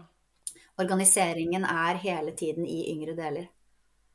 Og det er klart at da blir jo livet veldig skummelt, veldig farlig, veldig vanskelig. Kjempevanskelig å organisere noe som helst. Så hvis det, ikke sant, når psykologen din jobber med å somatisk, ikke sant, med å få deg på plass i rommet, organisert somatisk, så er det Det virker så sterkt i seg selv. Og jeg har sett boka, Hun har en bokhylle i terapirommet, og jeg har sett denne første boka til Lawrence Heller i bokhylla hennes. Så jeg vil tro at eh, NARM er Hun integrerer mange ulike former for terapi, føler jeg, ut ifra klient. Og, og ja, hun, hun bruker faktisk ikke, jeg må bare poengtere det, hun har ikke brukt det ordet 'indre barn'. Det var bare noe jeg sa. Um, så, hun Nei, nei, bruker, ja, så hun har snakka mye om den sinte, sinte tenåringen, den opprørske delen av meg. Og så har jeg en sånn I love her already. ja, ja, I love her already. hun er helt fantastisk. Jeg har vurdert å ha henne på podkasten, men da tror jeg det blir en sånn her eh, eh, privacy-greier. Eh, det tror ikke jeg hun har lov til å gjøre. Men, men hun er veldig veldig fantastisk og jobber også mye med Hun kan jo snakke om metodene sine, da. Kan jo? Du kan jo ta deg selv helt ut og bare være ja, fagperson. journalisten på en måte. Mm, sant? Mens, mm. ja, bare fagperson. Så det, det går jo kjempefint, for det, er viktig at vi er flere som deler om dette her, og at, uh, at uh, Det er ikke noe kritikk av noen. Det er ikke noe kritikk av det som har vært. Det er bare at vi må se på det veldig levende. Og jeg ser på det sånn i forhold til helsen min, i forhold til eh, Uansett, da, ikke morsrollen, i forhold til arbeid, i forhold til alt. At hvis jeg er ydmyk og nysgjerrig hele tiden, Mm. og, og bare ikke liksom Jeg syns det er så rart at vi, ha, at vi, skal ha et system eller et apparat eller mennesker som sier sånn Dette er det jeg kan. Jeg kan bare dette her. Uh, jeg skal ha monopol på denne delen her. Og uh, alle andre Ikke sant? Altså Det blir veldig rart for meg. Jeg skjønner at det er en slags utrygghet. Jeg tenker jo at det er en yngre del som er veldig utrygg, og som blir veldig, veldig forelsket i OK, jeg har seks års utdannelse, da skal jeg bare gjøre dette på den måten. Um, uavhengig av om det går eller ikke, uavhengig av hva jeg ser. Eller kanskje man ikke engang er ydmyk i møte med responser osv. Um, men jeg tror ikke at det jeg, Det er min, min, store drøm da, og håp fordi all kunnskapen og informasjonen er der ute hele tiden. Vi må bare være villige til å ta den inn og lære av den, og, og også forkaste. I forhold til helse, jeg vet ikke hvor mange tusen ganger jeg har måttet forkaste et eller annet, ta inn noe nytt. ikke sant? Det må være levende, da. Mm. Uh, og det gjelder kunnskapen vår også. Uh, jeg, jeg, jeg kan gjerne si at det koster mye mer å leve sånn å være ydmyk hele tiden og på en måte ikke si sånn 'Jeg kan alt om dette her. Jeg er ekspert på dette. Jeg er ekspert på dette feltet.' Eh, jeg trenger ikke å være ekspert. ikke sant? Jeg, jeg, jeg, le, jeg er trygg nok, vil jeg si, til å leve med nysgjerrighet og ydmykhet. Litt sånn hm, eh, Jeg tester ut dette. Jeg, sjekker hele tiden inn. Jeg ser jo at resultatene av det jeg gjør, Eh, er et stort ja. ikke sant? Da skal jeg fortsette med det. Og hvis det er en gang hvor det ikke fungerer optimalt, så går jeg gjennom alt sammen og så tenker jeg OK, akkurat, ja. Her må jeg gå mer inn i det kroppslige. ikke sant? Her må vi sjekke mer inn med kroppen. Her gikk det litt for fort frem. Jeg må snakke langsommere, med mildere stemme. Hvis det er hypervigilance, som du vet, så er det jeg speiler og reflekterer, veldig viktig, ikke sant? Jeg kan nedregulere et annet menneskes nervesystem ved å gi mer pauser, la det være mer rom for refleksjon, gjorde mer, snakke langsommere, mildere stemmer, Skjønner du hva jeg mener? At det er liksom konstant sånn levende, og hvis vi ikke er ydmyke i forhold til det her, så kan vi skade andre. Ikke sant? Eller vi kan ikke få noen resultater. Så det er bare det samme, da. Og det tenker jeg det er jo ikke bare i, i, praksisen som psykolog, men det er jo i praksisen som menneske. Om du er bedriftsleder eller eh, lærer på barneskole, eller om du er psykolog. altså Uavhengig så bør vi jo alltid ha et nysgjerrig og åpent sinn. Og være, det er jo forskning i praksis. Altså Være åpen på at vi ikke vet at det her kanskje ikke er den beste metoden, det, her, det vi gjør nå. Men det betyr ikke at det her er det vi skal gjøre om et år. Så den arrogansen med at vi vet best, det er veldig hemmende. Det er ekstremt hemmende, og det er på en måte det som er problemet med hele samfunnet. ikke? At, at ting skal systematiseres og puttes, puttes inn i bokser. Eh, hvis jeg kan få lov å komme med et lite hjertesukk, ikke sant? dette med at det bare er nå psykologer som slipper å betale MBA. Ikke sant? Jeg må betale merverdiavgift. Jeg må betale Eh, selvfølgelig det samme som alle andre, skatt og, og, leie av kontor og alt, men så skal jeg betale merverdiavgift av terapien fordi det ikke er psykolog. Og det som er absurd, eh, hvis jeg har forstått reglene riktig, så er det sånn at sant, NARM er egentlig en videreutdannelse for psykologer. Men de psykologene som har tatt NARM-utdannelsen, får ikke lov å kalle det NARM. Hvis de narmer, så må de betale merverdiavgift. Det er jo ikke en psykolog, unnskyld at jeg sier det, men det, jeg tror at hvis man først tar NARM-utdannelsen, så vil man drive med det fordi det er, rett og slett bare funker bedre. Mm. eh, og, så, og, og, og, da må man la være Da skal man liksom skjule at det er en NARM-teknikk man bruker. Det er i hvert fall sånn reglene er i Norge nå, så vidt jeg forstår. At hvis man kaller det noe annet, eller sånn som meg, da, som ikke er psykolog i bunnen, eh, så må jeg betale merverdiavgift fordi det defineres som noe alternativt på tross at det er en videreutdannelse it, it, really does not make any sense to me. Um, det er greit at man skal sikre noe. Jeg skjønner utfordringen, hvis jeg skal være litt sånn Jeg skjønner at eh, man vil sikre noe, og at man skal liksom ha solid utdannelse i bunnen og sånne ting. At det kan være én måte å sikre på. Men som jeg av og til skriver, eh, man blir ikke en bedre terapeut eh, av å være psykolog. Man blir ikke en bedre normterapeut av å være psykolog i bunnen. Min trening kommer jo veldig mye fra mye av de teknikkene vi bruker, som er nærvær, som tar et liv å lære seg. Det er også ganske komplisert. Eh, og denne somatiske forståelsen, som er sant, noe av det jeg har spesialisert meg på. Og, og selvfølgelig det, alt det andre arbeidet jeg har gjort, og andre teknikker som jeg har lært. Altså. Um, Hvis du er en byråkrat og hører på det her, så ønsker vi gjerne, jeg og Anneli, at du lobbyer til å fjerne moms på narm. Hilsen ei med komplekse traumer. I hvert fall på narm! Og, hvert på narm. Og så å spøke til revolver, da, så er det der Det er så viktig å være åpen for terapiformer som fungerer, og ikke kun bitte ja. seg til det man har gjort, for sånn har vi gjort det i 20 år. Fordi for oss, da, sånn som meg, som mottar terapi, som er faktisk, for å sette det liksom på spissen, livsavhengig av å få hjelp i en periode kanskje i livet. Noen må kanskje gå i terapi i, i flere tiår, noen kanskje bare i en kortere periode. Men, men, vi ser jo det på statistikken. Mental helse er en alvorlig samfunnsproblem. Ja. Og det økte jo etter pandemien osv. sant? og det gjelder unge mennesker. Jeg har jo en del unge mennesker i terapi. Jeg har jo både tenåringer og unge voksne som går. Og, og der er det enda viktigere å være liksom Ikke sant? Mm. Ha teknikker som jobber med å virkelig forstå og hele. Eh, fordi der går det ikke an å bruke bare det kognitive. Det er bare helt umulig. Eh, sånn sitte og prate om ting, liksom.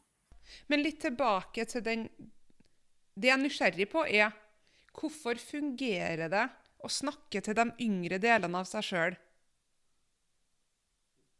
Hvorfor er det effektivt? Jeg har opplevd det. og Jeg var jo sånn, jeg ringte bestevenninna mi og jeg bare Nå skal du høre noe veldig corny og rart. Det her er det jeg har gjort til psykologen min i dag. Og det funka fjell.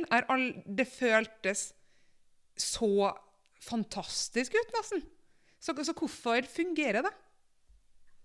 Når du snakker til en yngre del, hvor snakker du fra da? Um, her og nå, og da ofte i min sunne voksne. And there's your answer. Fordi det hjelper deg å organisere deg her og nå. Og her og nå er det eneste stedet du virkelig har ressurser. Og hvis du ikke har gjort den separasjonen altså Du kan på en måte ikke snakke til en del hvis du er delen. Hvis du skjønner. Hvis den yngre delen har tatt over deg, så kan du ikke snakke til den. For da vil du bare handle og føle. Så vi har masse forskjellige teknikker for å definere. La oss si at jeg ser at du går i affekt, ikke sant? Kan du forklare hva effekt er, for dem som ikke vet? Ja.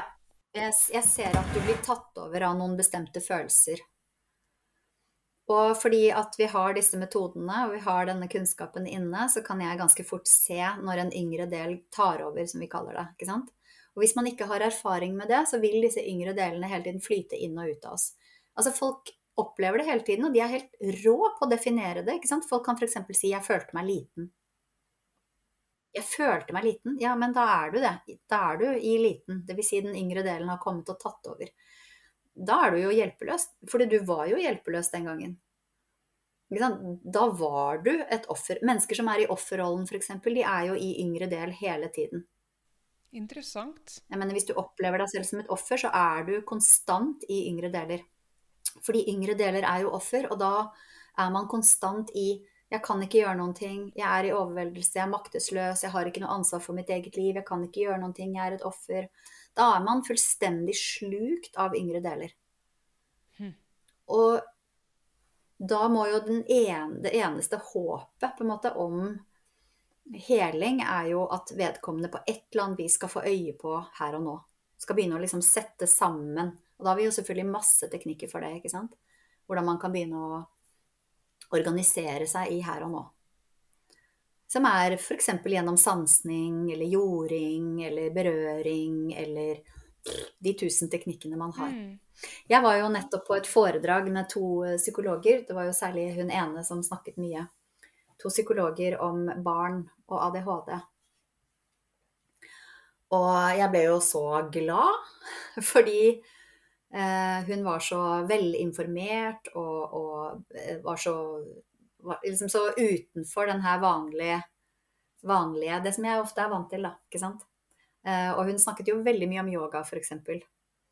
Masse om yogateknikker og emosjonsvalidering, og eh, sa selv at hun holdt på med masse yoga, og at hun brukte Vi kan si at yogaterapi, terapiyoga, yogaterapi, er jo enten at man bruker terapeutiske teknikker i yogarommet, traumeforståelse, terapeutiske teknikker, eller at man i terapirommet utforsker eh, teknikker som man relaterer kanskje mer til yoga. Man trekker på en måte yoga? Vi gjør yoga i terapirommet, men eh, jeg ber jo aldri noen om å puste, f.eks., men jeg, jeg, sjekker selvfølgelig inn hele tiden. Hva legger du merke til nå?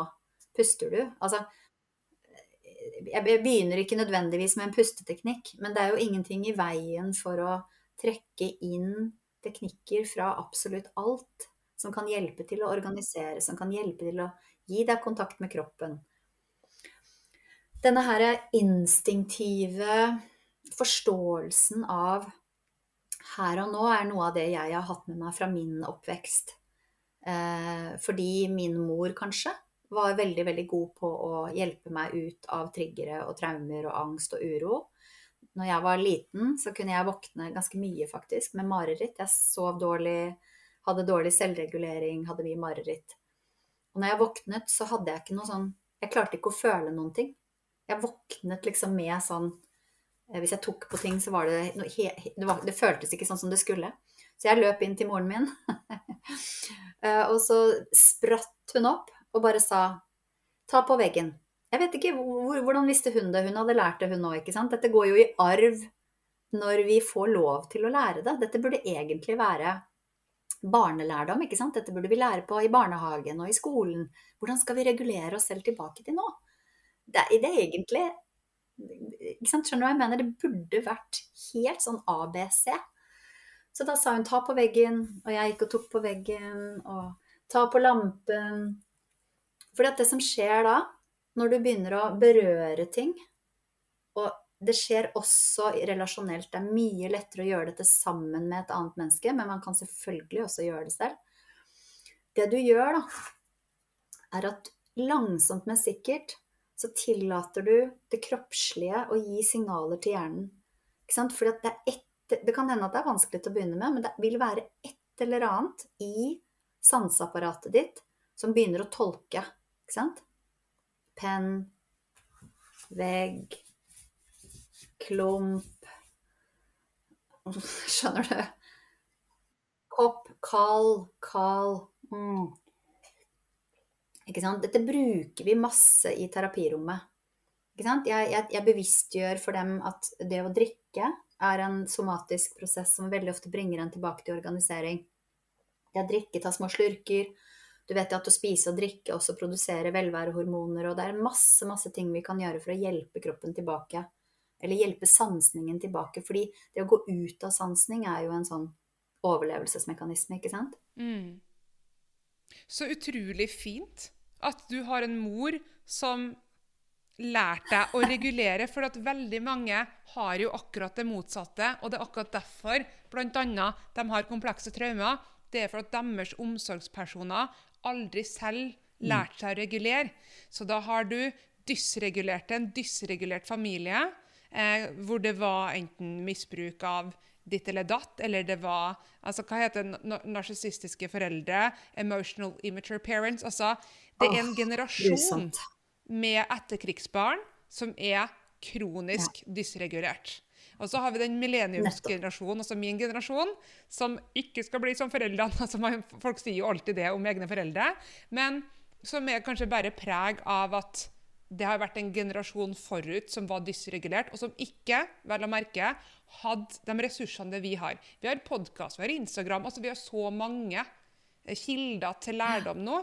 Men, men, det er jo veldig deilig å høre at du hadde en mamma som var, hadde muligheten til å regulere deg. For det igjen er ekstremt mange som har det motsatte. Dysregulerte foreldre. Og har et nervesystem som bærer voldsomt preg av dysregulerte foreldre. Ja, ja, og jeg hadde selvfølgelig det også. Eh, og, og, det at min mor da tråkket opp en sti som jeg kunne følge etterpå. At hun var den som plukket opp Det kunne vært meg som var den første, men hun var den første. Da var jeg jo en, litt eldre. Men hun var den første som på en måte jeg pleier å gjøre sånn. Og si OK, jeg plukker opp denne Jeg tenner denne fakkelen, jeg løfter den opp, og så sier jeg 'This ends with me'. Ja! Jeg skal gjøre alt jeg kan. Uh. Gjøre det litt stort ja. og litt sånn opp med armene. Og jeg skal gjøre alt jeg kan. Og jeg husker også det tidspunktet hvor jeg løp til terapien. For det var det første øyeblikket jeg fikk øye på at jeg kanskje en eller annen gang i fremtiden ønsket meg et barn. I det øyeblikket jeg holdt et lite spedbarn i armene mine som så opp på meg og bare drakk meg inn, så tenkte jeg Oh my god, jeg må gå i terapi! Altså, jeg kan ikke overføre all den dritt Mm, nå ser jeg at du blir rørt. Blir rørt. ja.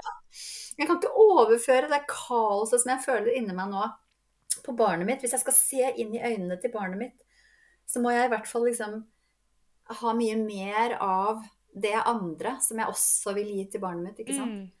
Um, for det er som du sier, bare to-tre generasjoner tilbake så var jo barn enten selskapsdukker som omtrent skulle selges til høystbydende, ikke sant? eller arbeidshjelp, eller slaver, eller ble fullstendig ignorert fordi barn telte ikke. Så det er derfor jeg blir litt liksom frustrert over det samfunnet vi har nå. fordi dette er, den, dette er denne tiden her hvor vi virkelig kunne og kan bli helere og friskere hvis vi bare bruker den kunnskapen som er der ute. Eh, jeg må jo bare mens jeg sitter her få lov å si at jeg syns at dette har vært en helt unik episode eller podkast eller hva du vil kalle det. da, fordi her, her, har vi virkelig, virkelig gått i dybden. Og vi har nyansert så mye, og vi har snakket om så mye som er komplekst. Men vi har også liksom halt oss selv tilbake til sånn ikke sant? Hvor enkelt kan det være? Kanskje vi trenger en episode til på et tidspunkt for å liksom snakke mer om sånn Ja! Ja, mer om liksom teknikker og nyans, nyansering mm. og hva kan vi gjøre selv og alt dette her. Fordi, men det at jeg har fått lov å eh, ja, rett og slett nyansere så mye. Det, det, er på en måte avansert, men det er også et forsøk på å forenkle, ikke sant. Men jeg, jeg, jeg setter virkelig pris på at jeg har fått lov å, å snakke på dette nivået her, da. Ikke sant? Det, det syns jeg har vært helt, helt nydelig rett og slett. Tusen takk. Og i like måte din kunnskap Eh, blanda med, med, din væremåte, gjør at komplekse og litt alvorlige ting blir levert med, med raushet og med tilstedeværelse. og Det er jo derfor jeg også har delt mye i episoden her, Anneli. Det er jo for at du har skapt en energi hvor jeg føler meg trygg. Eh, og det er jo det som jeg ønsker. sånn som du, Jeg ønsker å formidle kunnskap, og jeg er ikke noe sertifisert terapeut eller ikke psykolog, selv om psykologen min i Australia sa Mari, har du vurdert å bli psykolog, sa hun. Har du vurdert? Ja. ja. Jeg har ofte til klientene mine. ja.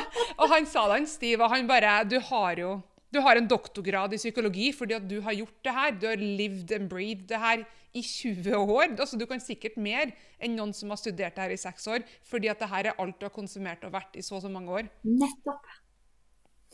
Og det, og det, skriver jeg en del om på Instagram også. Eller, ja, ikke sant? Fordi at er det bra å ha egen erfaring, eller er det bra å ha Jeg vet at det er veldig, veldig Det har vært i hvert fall veldig idealisert i psykologien å ha en sånn faglig avstand, som man kaller det. ikke sant?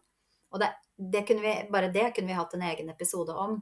At det er masse fallgruber i det å ha gjennomlevd traume selv, ikke sant. Men jeg mener at hvis man virkelig har gjennomlevd traumer og reparert seg selv i x antall år, så har du en unik kompetanse. Og jeg kan også Og jeg kan jeg, jeg vil si at det går veldig fint å skille det ene selv i de tilfellene hvor en person har en historie som er så tett på min egen at jeg tenker liksom Is this person me? Ja. Nettopp fordi man har jobbet så mye, mann, jeg, vi, som har gjort det, har jobbet så mye med å separere f.eks. yngre deler fra her og nå, denne organiseringen, da er det ikke nødvendig med en kjølig distanse. Og det er jo også helt nydelig at NARM sier Vi starter alltid med å si at dette er en likeverdig utforskning. Mm. Jeg leder. Jeg er helt i min, mitt ansvar og min Ikke sant? Det er helt organisert. Men jeg sitter ikke med en kjølig distanse, ikke sant. Hvis det er en følelse som eh, klienten ikke får tak i, så, jeg, så, er det helt avgjørende at jeg speiler og reflekterer den følelsen. ikke sant? For eksempel altså Jeg kjenner jeg blir helt opprørt når du forteller det her. ikke sant? Det er den relasjonelle biten i terapien. Da først blir det mulig for klienten å bare Jeg kan si sånn Jeg blir helt opprørt over det du sier nå. Er det bare jeg som føler det? Spørsmålstegn. Så sier klienten Nei, når du sier det, så kjenner jeg at jeg blir Jeg er jo helt jeg blir, Plutselig så våkner den her livskraften, ikke sant. Den derre Nei, men det her er jo ikke greit. Men ofte så må man bli speilet på den måten for å få tak i den følelsen, ikke sant. For å Eller sånn som jeg gjorde med deg i stad, at jeg kunne nyansere hva som skjedde med deg mens du snakket, mens du regulerte deg selv tilbake til her og nå, og plutselig Ikke sant? Mm. Det ser litt vanskelig ut, men det er egentlig ikke så vanskelig. Og det, var, det, har vært veldig Jeg sitter med en sånn skikkelig sånn god kroppsfølelse og masse sånn derre gåsehudfølelse i hele meg, fordi at vi har fått lov å liksom leke og nyansere dette her. Mm. Og jeg må bare føye til den... Og, og leve det mens vi snakker. 100 og det er jo veldig givende, vil jeg tro, forhåpentligvis, også for lyttere, å bli tatt med på en reise hvor teori og praksis blir nesten en sammensurium. da. Men den podkastepisoden med Lawrence Heller og doktor Gabor Maté Doktor Lawrence Heller, vel å merke. Begge to er doktor. Men um, de sa også, de begge to var helt enige i det her, akkurat det du sa, Anneli. De sa hvis du som terapeut eller psykolog ikke har gått i terapi, og du har ikke møtt delene av deg sjøl, dine yngre deler eller de konfronterende delene av seg sjøl, hvordan kan du da møte din klient hvis du ikke engang har møtt deg sjøl i de her scenarioene? Ah, jeg blir så glad når skikkelig gode fagpersoner tør å si disse tingene. Og det er en av de tingene jeg elsker med begge disse to mennene, Gabor Maté og, og Lawrence Heller, er at Og det er jo mest Gabor Maté jeg har hørt, da, ikke mm. sant. Mm. Ja, altså, nå, det hørtes jo rart ut, men det er mest han jeg har hørt der ute på masse forskjellige sånne Han, han snakker jo veldig mye overalt, har jeg inntrykk av. Det popper i hvert fall opp. Som har sagt det her. Eh, at han tør å si så mye. Ikke sant? For det, det, ikke sant? Vi lever jo i et samfunn som idealiserer denne kjølige distansen. Denne, eller kjølige, hva skal jeg si, denne distanserte holdningen, da. Hvor man Ja, men jeg er fagperson, jeg skal ikke uttrykke noen følelser, jeg skal liksom ikke Fordi det jeg tror det er, er akkurat det du sa, ikke sant. At personen har da gått opp i hodet og er ikke levende i kontakt med det som skjer i eget materiale. Og da kan det også bli uro i terapeuten eller psykologen når klienten bringer inn noe veldig sånn Du skjønner hva jeg mener? Det er akkurat det samme. Enten det er at uh, terapeuten, psykologen, ikke har bearbeidet eget materiale, eller at du kan ikke møte hele klienten uten å møte den med hele deg selv. Da. Du, vet du, Nå kvoter du. Det var akkurat den setningen der de sa på engelsk i episoden. Sånn helt seriøst. Det var akkurat det. Så, du, så du, er inne på det. Og tida her har gått ekstremt fort. og Jeg blir jo veldig glad med innrømme, Anneli, når du sier Jeg tror vi må ha en episode til, for ja Opptil flere tror jeg det er fare for. Men jeg, har, jeg la jo ut på Instagram at du skulle gjeste podkasten. Og det kom jo inn noen spørsmål. Mm. Så jeg har valgt ett av de spørsmålene som yeah. kom inn. Så dette er et spørsmål fra en lytter som jeg tenkte den må vi få yeah. med eh, før vi runder av, for du skal jo videre etter hvert. Men det ene spørsmålet det går litt på tematikken som vi snakka om, det med generasjonelle traumer. da. Men spørsmålet er som følger. Hva kan vi gjøre for og med våre barn for å lære dem å ikke undertrykke egne følelser, men kjenne dem, jobbe seg igjennom dem og gi slipp? Finnes det noen øvelser, leker eller rutiner vi kan gjøre? Hilsen mamma bitte lite spørsmål på slutten. ja, eh, korte, det korte svaret, som jeg, som jeg, sa nesten, jeg tror nesten må bli en episode til, det er det jeg kaller emosjonsvalidering. Og det er liksom ikke helt superenkelt. Men hvis jeg skal prøve å si noe om det kort, så eh, kaller vi det positiv validering. Og det betyr at man rett og slett anerkjenner barnets følelser.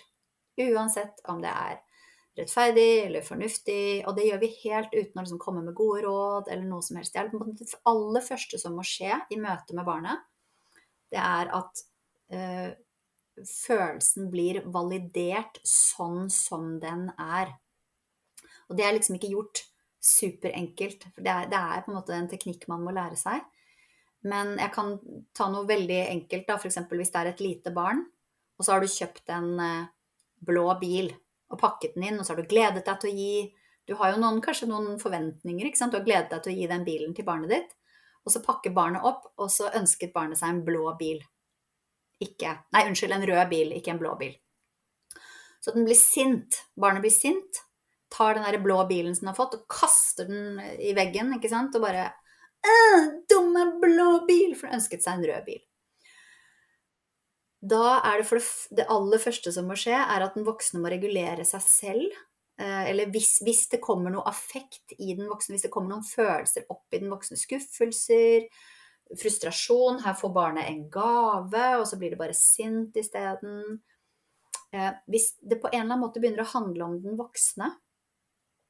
Meg jeg vil jo glede deg, ikke sant. Du skjønner? Da, da, blir det helt håpløst for barnet. Fordi den voksne skal fasilitere opplevelsen for barnet. Ikke sant? Så det betyr at den voksne må da gå inn her og nå. Regulere sitt eget nervesystem. Konsentrere seg om barnet, for det er barnet som føler, og voksen er voksen, og barn er barn. Ikke sant? Det er jo litt forskjell på det. Eh, ikke undertrykke, men ikke man skal øve, det er teknikker for å regulere seg selv tilbake. Da. Og så må man validere det tapet som barnet opplevde. Fordi barnet har tapt den røde bilen. Det har fått en blå bil, men i det så fikk for, Det er sånn vi er også. Vi får opp sorg over det vi ikke fikk, når vi blir møtt med et eller annet, f.eks. Så begynner man sånn Å, å så, uff, ønsket du deg en rød bil, og så fikk du ikke den bilen. Og her hadde du sikkert sett, for da kan man bare måke på. Her hadde du sikkert sett for deg at du skulle få den røde bilen, og så skulle kanskje den bilen være sånn og rød og fin, og så skulle den stå på hylla, og så bare liksom gønne på med alt det tapet, ikke sant. Uff a meg, det blir jo kjempedumt for deg. Så kommer dumme mamma her bare med en blå bil. Uff a meg, på helt feil farge. Så skal man selvfølgelig ikke fikse det. Man skal ikke løpe ut og kjøpe en rød bil isteden. Man skal stå i barnets egen regulering, men først så må du få lov å føle på sinne. Så kommer det kanskje sorg. Etter at barna har fått lov å uttrykke følelsen sin og blitt validert på den, så kommer det ofte opp noe dypere. Da kommer liksom sorgen og tap og Hvem vet hva som kan komme? Og hvis vi da går i sånn Herregud, her skulle jeg bare gi en gave, og er det mulig? Og så liksom gråte fordi at det er en feil farge på bilen. Dette er jo latterlig. Da har vi mistet alle muligheter for barnet til å regulere egen følelse. Det ble ikke kort svar, men du skjønner. Det var et godt svar. Men et, takk. Og etter at man har validert barnets opplevelse, da fått lov å gå gjennom disse stadiene Det tar noen minutter, det her, ikke sant? Så, når barna har fått lov, først være sint, så lei seg, så er det blitt møtt på følelsen, da faller det til ro. Så begynner barna å skotte bort på den blå bilen. Plutselig så begynner det å nærme seg den blå bilen, for da, etter at barna har liksom fått lov å føle det du føler, så kan det begynne å nærme seg ressursen, ikke sant, som er den blå bilen. Og hvis det er større ting når man er eldre, ikke sant, så kan man jo begynne å spørre litt. Hvis det er et eldre barn, så kan man si sånn Oi, det var vanskelig.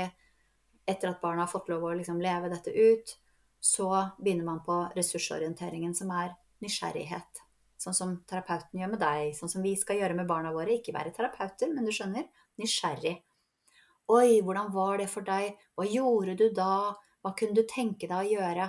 For det er så viktig at barnet får lov å få tak i egne ressurser. ikke sant? For barnet må jo gå tilbake til barnehagen, som vi snakket om i stad. Det må gå tilbake til skolen og organisere seg fra seg selv.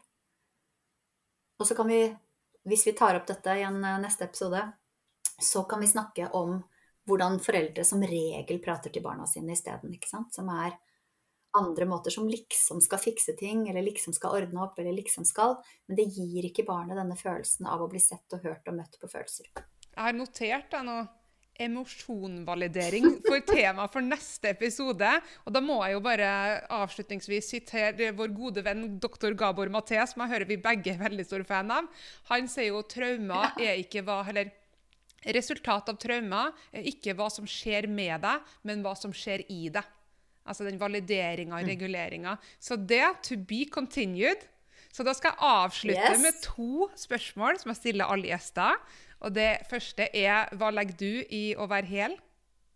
Um, jeg kunne ønske at jeg nå kunne gjøre som deg og komme med et sånt kort svar. Men uh, jeg tror jeg skal prøve. Eh, for meg så skjer den helhetsreguleringen i møte med naturen og i dyp meditasjon, fordi jeg har meditert hele livet. Eh, og det tok lang tid å komme dit, men når jeg kommer inn i den litt dypere formen for meditasjon, så opplever jeg at jeg er bare en del av en helhet. Det er det mest hele jeg kan erfare, og det er nesten mat til en episode, det også, fordi at ja, det er så mye spennende å si om det. Mm. Og jeg har gjort alle feilene, og jeg har gått alle, alle de vanskelige veiene dit. Men det er helhet for meg, men det er også noe som oppstår spontant i møte med natur, da. Når jeg er ute i naturen, så, så Jeg ser jorda som kroppen min, på en måte. ikke sant? Jeg ser trærne som lungene mine. Jeg ser himmelen som eh, det universet jeg har inni meg. Jeg, jeg elsker naturen. Jeg elsker jorden. Jeg elsker den som jeg, og jeg er så ydmyk i møte med det. ikke sant? Fordi at jeg, kroppen min er bare en del av naturen. Den er en del av jorda. Eh, og det er det perspektivet jeg har, egentlig, på, på, på alt da, som har med verden å gjøre. Og vi kan trekke det inn i, i terapien også, ikke sant? ved dette nærværet. da. Eh, og denne respekten for individet. fordi at jeg, jeg må se alle mennesker som en del av meg selv på et vis. Jeg må ønske liksom helhet og kjærlighet og medfølelse med alle. Jeg kan ikke si at de der fortjener ikke det, fordi at de er dårlige mennesker.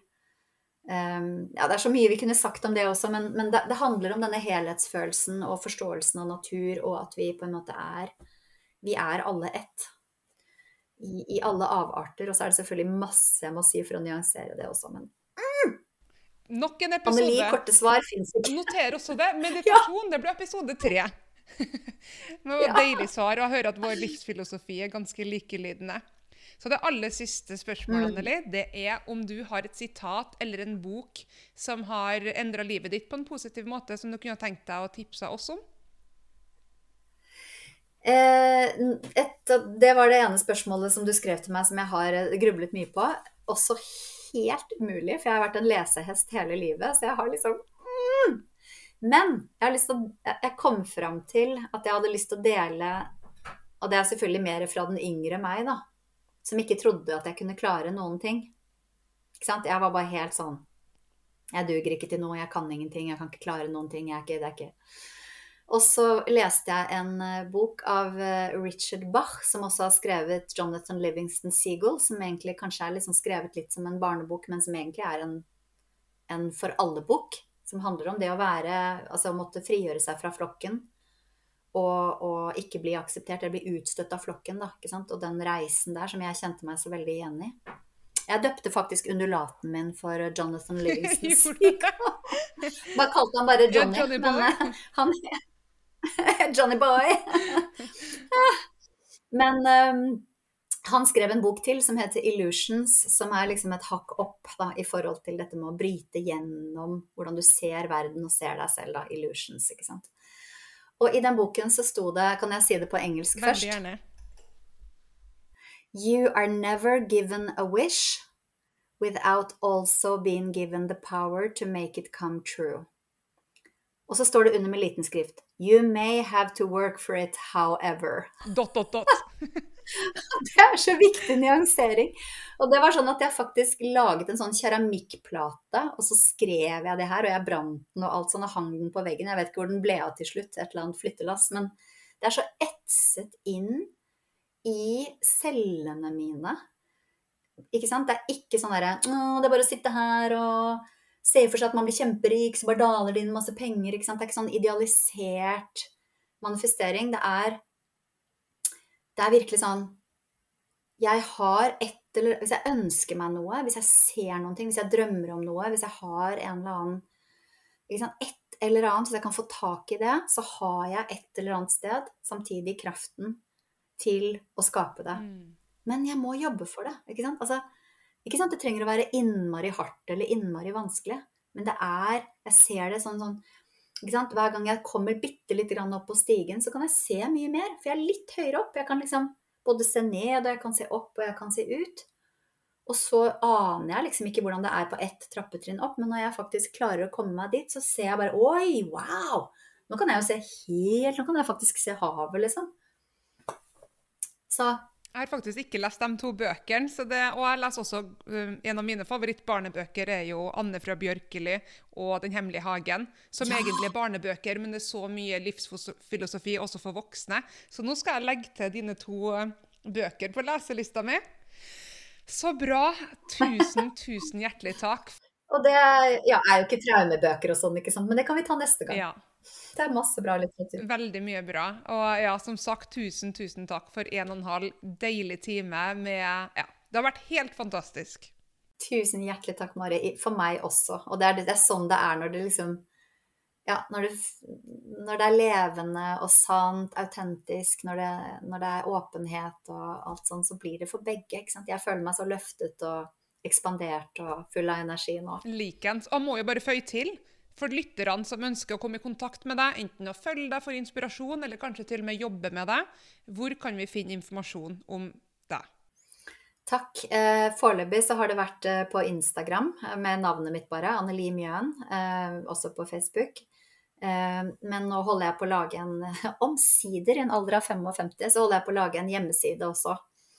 Det, det, det var noen som sa nå syns jeg du må ha en hjemmeside, og jeg var sånn ja, jeg er helt enig, jeg må bare få med det. Men jeg har på en måte ikke trengt det egentlig. Men det er bare for å få litt mer bredde og kanskje kan være litt lettere å gå inn og lese og sånn. Så det vil sikkert kanskje også være på navnet mitt, da. At den hjemmesiden blir laget bare Mm. fordi Ja. I all enkelhets skyld. Men Anneli Mjøen. Anneli Mjøen på alle. Ja. Anneli Mjøen tror jeg det er på Instagram. Ja, Anneli Mjøen, Anneli Mjøen. Ja. Nei, men da skal dere finne deg i hvert fall. Igjen, mwah, takk for tida di. Ha det godt. Tusen takk for at du lytter til podkasten Hel med Mari. Du kan lytte til alle episoder helt gratis der du lytter til podkast, eller du kan både se og lytte til episodene på YouTube. Likte du episoden, så har jeg blitt kjempeglad om du ga den en anmeldelse. Ha en fin dag!